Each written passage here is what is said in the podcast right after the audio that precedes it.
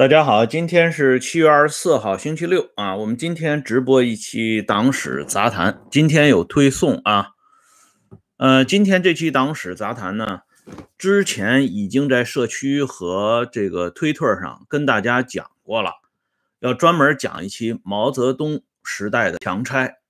这个事情呢，是源自于啊《炎黄春秋》二零一四年第七期，这是核定本啊。都说不宜看核定本，再来看一下封面啊，这是封面啊，这是文章的具体出处，我们都要把这文章给出出处啊。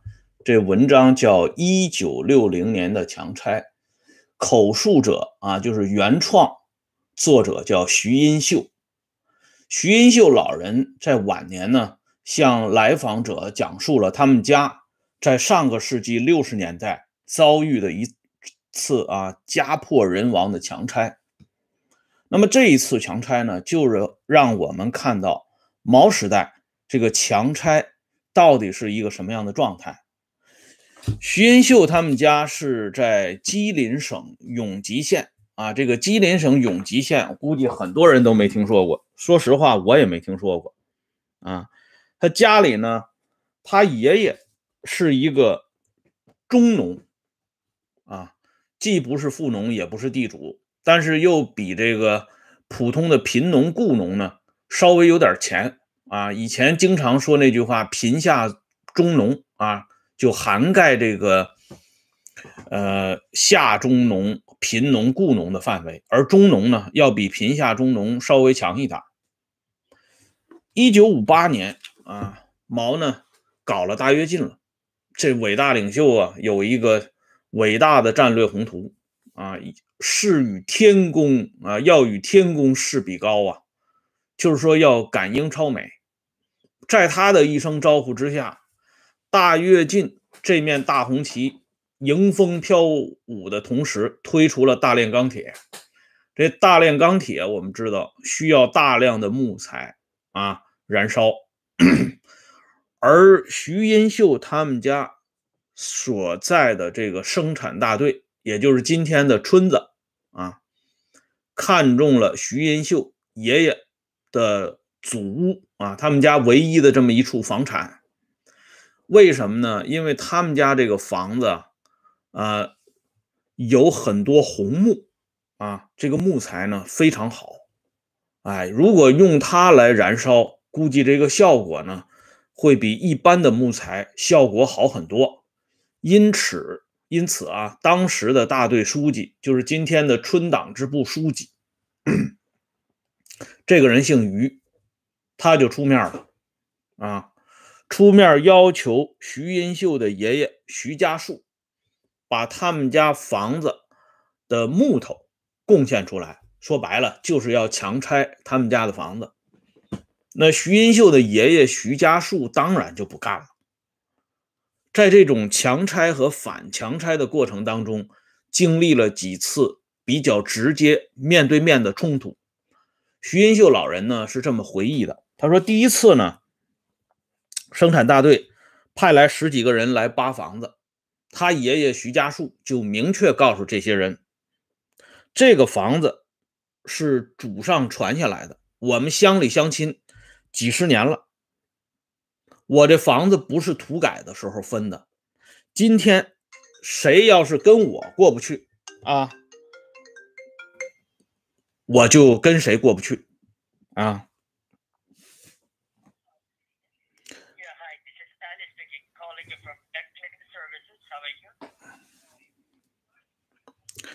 大家稍等一下啊。Hello，Hello。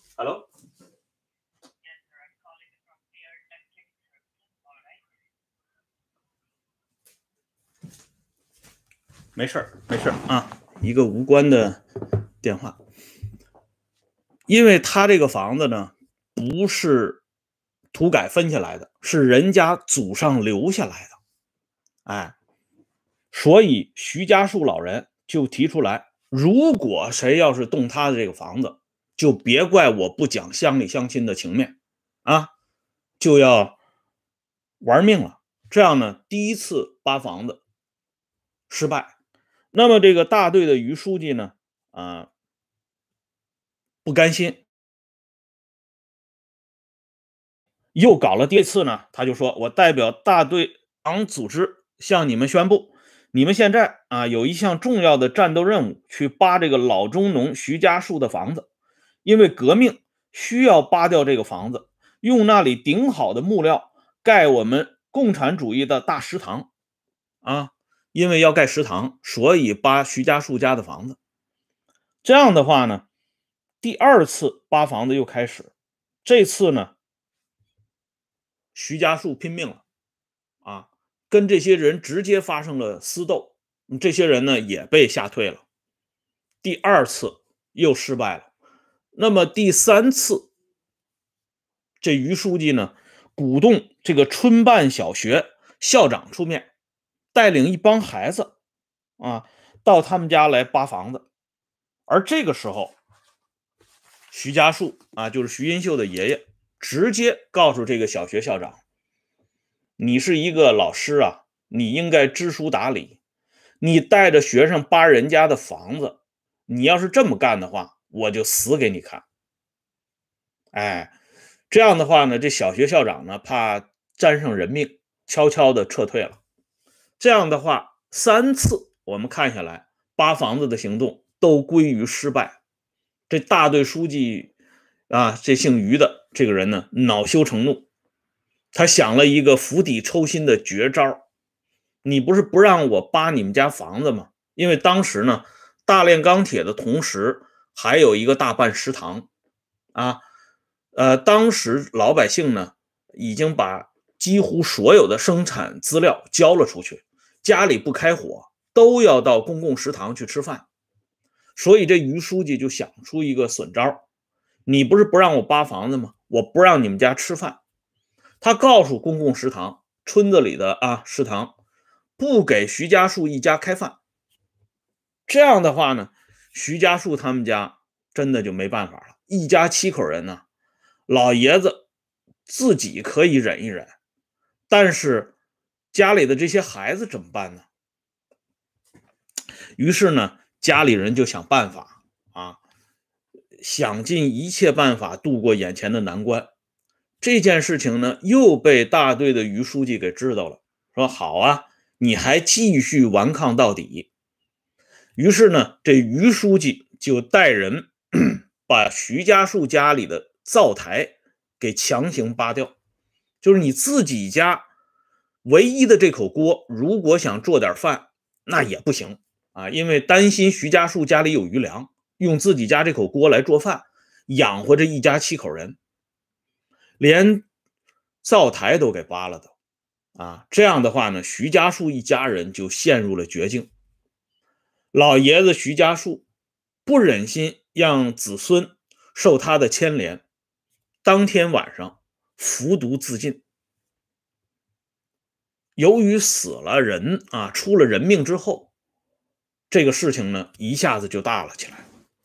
可是这个大队的于书记很有办法啊，他一看啊，你是以死抗争，如果这件事情赖到我头上怎么办呢？他恶人先告状，先跟县里打了招呼了，跟公社、跟县里都打了招呼。公社就是今天的乡啊，由公社出面，把回来奔丧的徐家树的儿子，也就是徐英秀的亲爹。给抓了起来。为什么抓他的亲爹呢？我们往下看，抓徐英秀的老爹，就是为了给徐家树一家栽赃。栽什么赃呢？因为徐家树有一个六哥，本家的六哥叫徐家环，他曾经做过伪满洲国吉林省的省长。这样大家就清楚了，这大队于书记为什么敢挑徐家树他们家进行强拆？首先呢，是因为徐家树亲戚堆里有过这么一个汉奸，属于出身不好的中农。这样，即便是动起手来，大队这边因为有出身这个帽子压着，也谅这个徐家树他们家不敢啊反抗，即便是出了事儿，也可以往出身这个问题上，往阶级敌人这个问题上扯。于是呢，公社这个公安机关派人把徐家树的儿子给抓了起来，并且直接进行了审讯。审讯过程当中，就点出了啊，徐家环是你六大爷，你六大爷是汉奸，你们家不配合建设公共食堂，你老爷子居然用自杀的形式对抗党组织，这就是汉奸卷土重来，反攻倒算。在审讯过程当中，徐家树的这个儿子，也就是徐银秀的老爹，愤。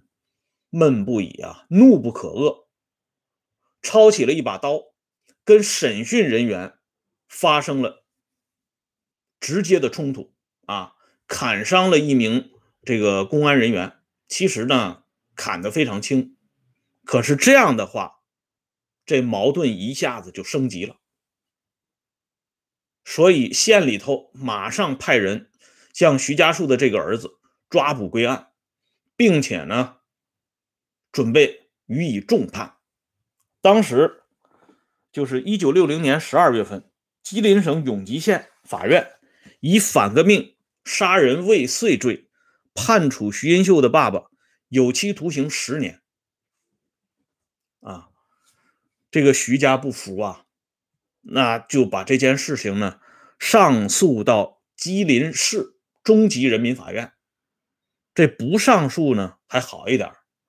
一上诉，这吉林省呃吉林市中级人民法院不仅没有推翻永吉县法院的判决，反而给徐家树的这个儿子加刑，由有期徒刑十年改为无期徒刑。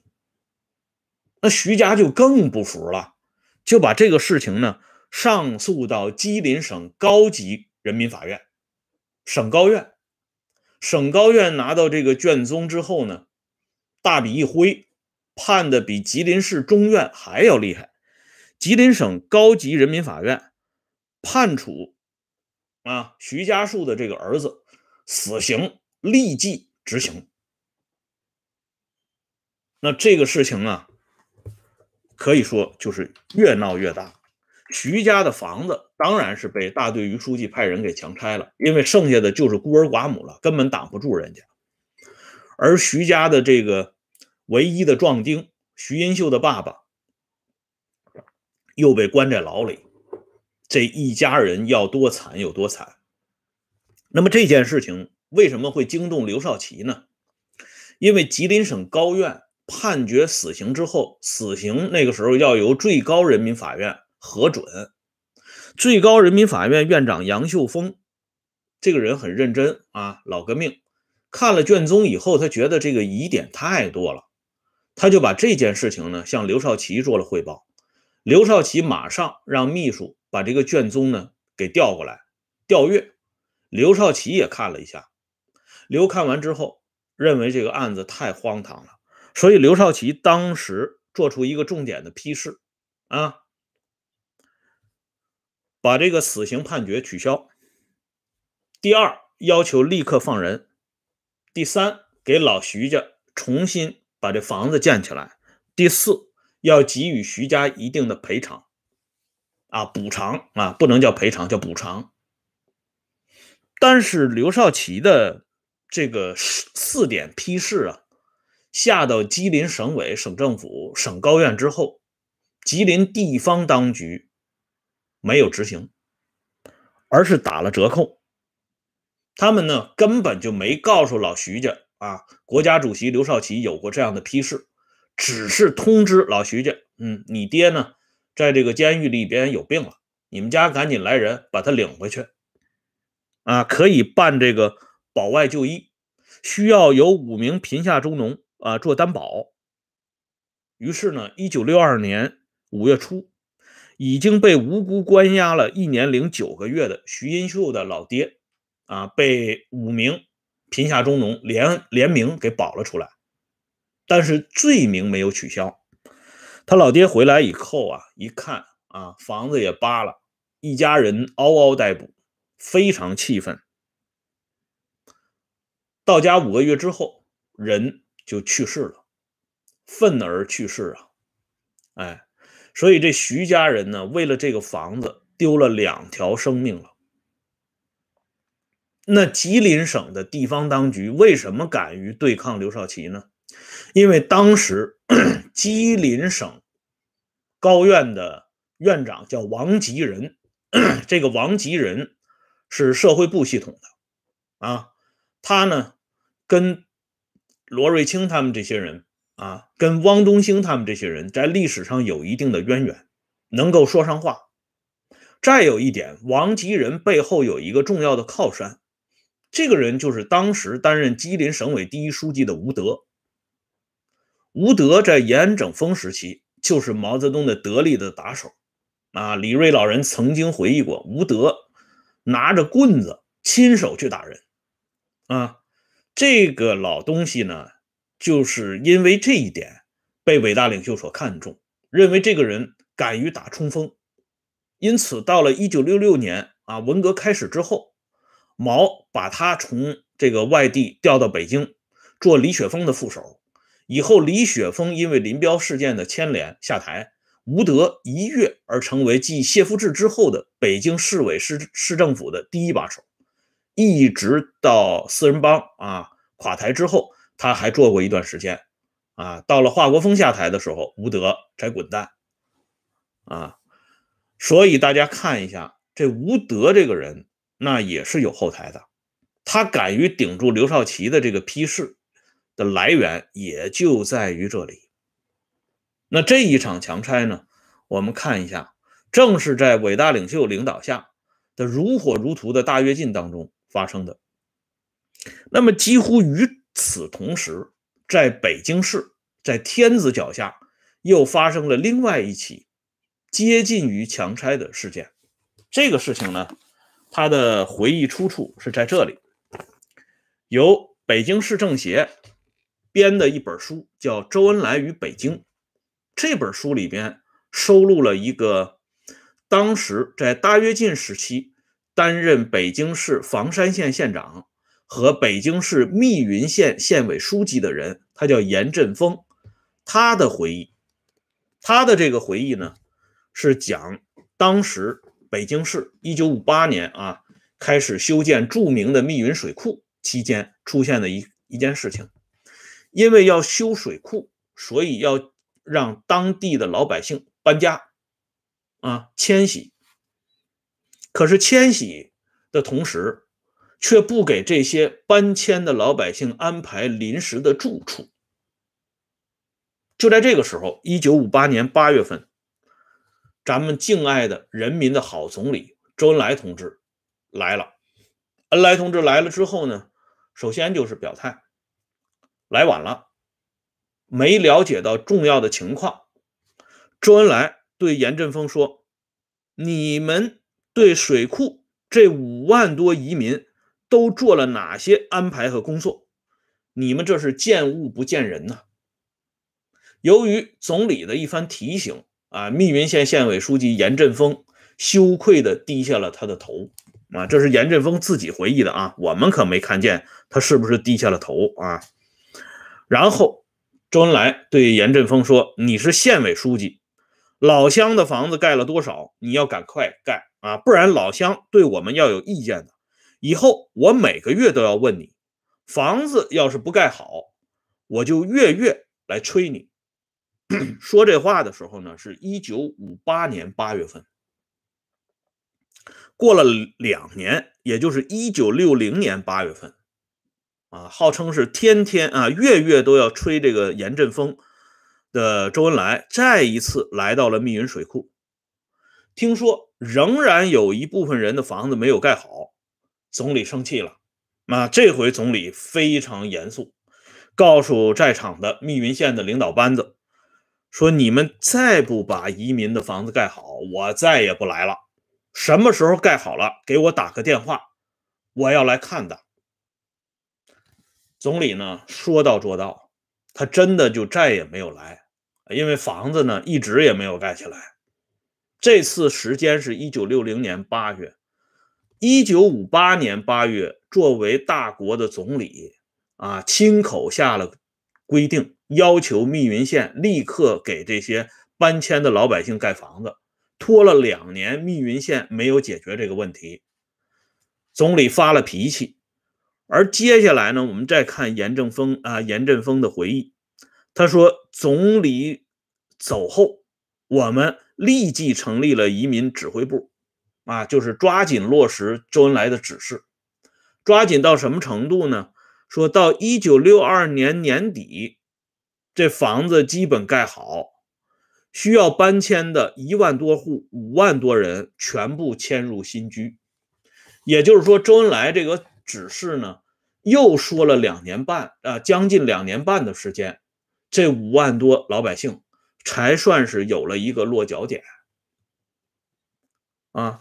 这是严振峰全文回忆的东西，公开出版的，大家就可以看到，老百姓啊，因为修建水库搬迁。只有在总理过问长达四年多的时间，从一九五八年八月拖到一九六二年年底，他们才算是有了一个落脚点。这还是在北京市啊！这如果发生在我们刚才说的吉林省永吉县，或者是其他那些边缘省份，他们还有机会让总理、让国家主席过问吗？而即便是由国家主席过问的这个强拆的事情，地方当局可以顶着不办。事后呢，我们看到吴德和王吉仁都没有受到任何形式的追究。这个省吉林省高院院长王吉仁活到九十多岁才嗝屁朝凉啊！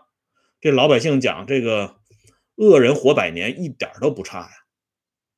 而这个密云县的老百姓相对幸运一点。因为他住的离啊伟大祖国的伟大首都太近了，啊，又加上咱们的总理经常来晚，所以这件事情呢，好歹算是给解决了。可是他的指示也拖了四年多，那这个原因又在哪里呢？仅仅是下边办事不力吗？我相信不是这样的，因为修建密云水库也好，兴办食堂也罢。都是来自于伟大领袖的伟大的战略部署。谁要是敢干扰这个伟大的部署，那结局是一定的。而刘少奇在干预吉林省永吉县徐家树一家强拆这件事情，到了文革发动之后，转而被吉林省当地的地方当局给揭发了出来。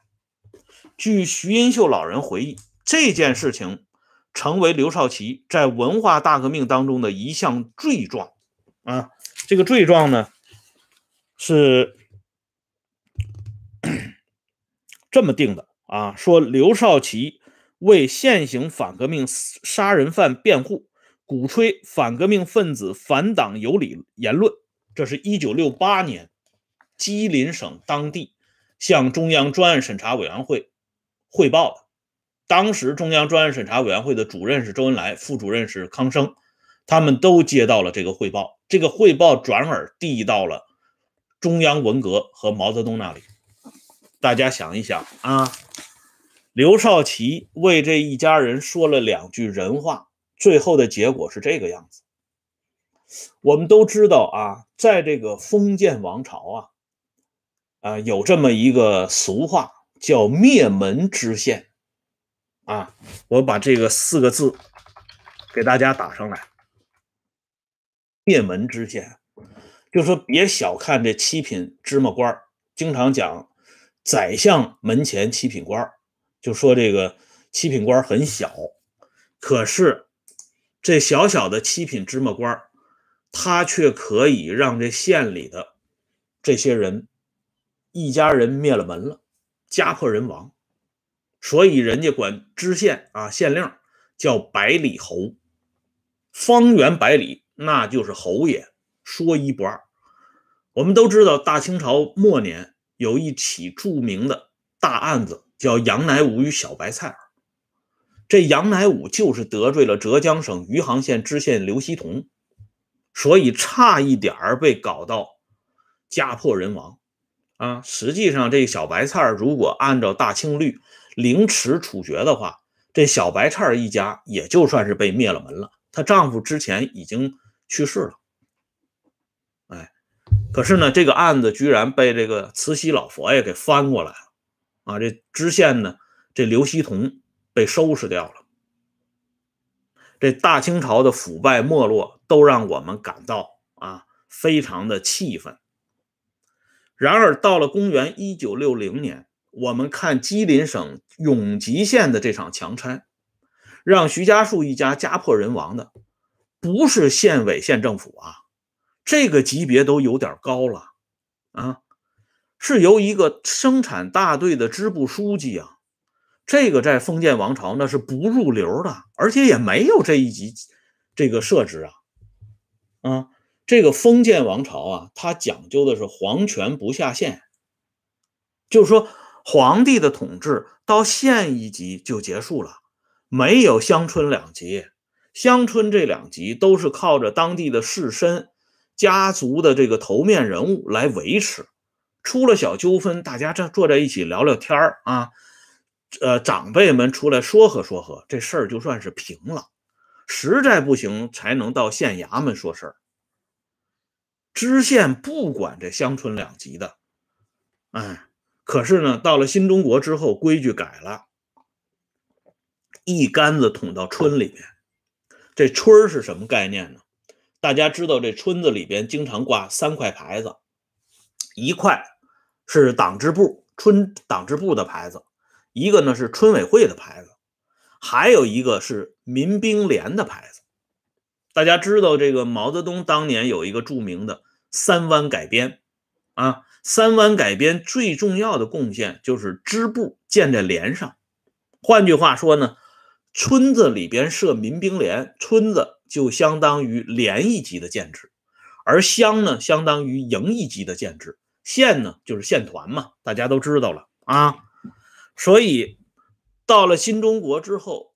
一个村长，一个村支书，一个连长，就可以让老徐家灭了门，家破人亡。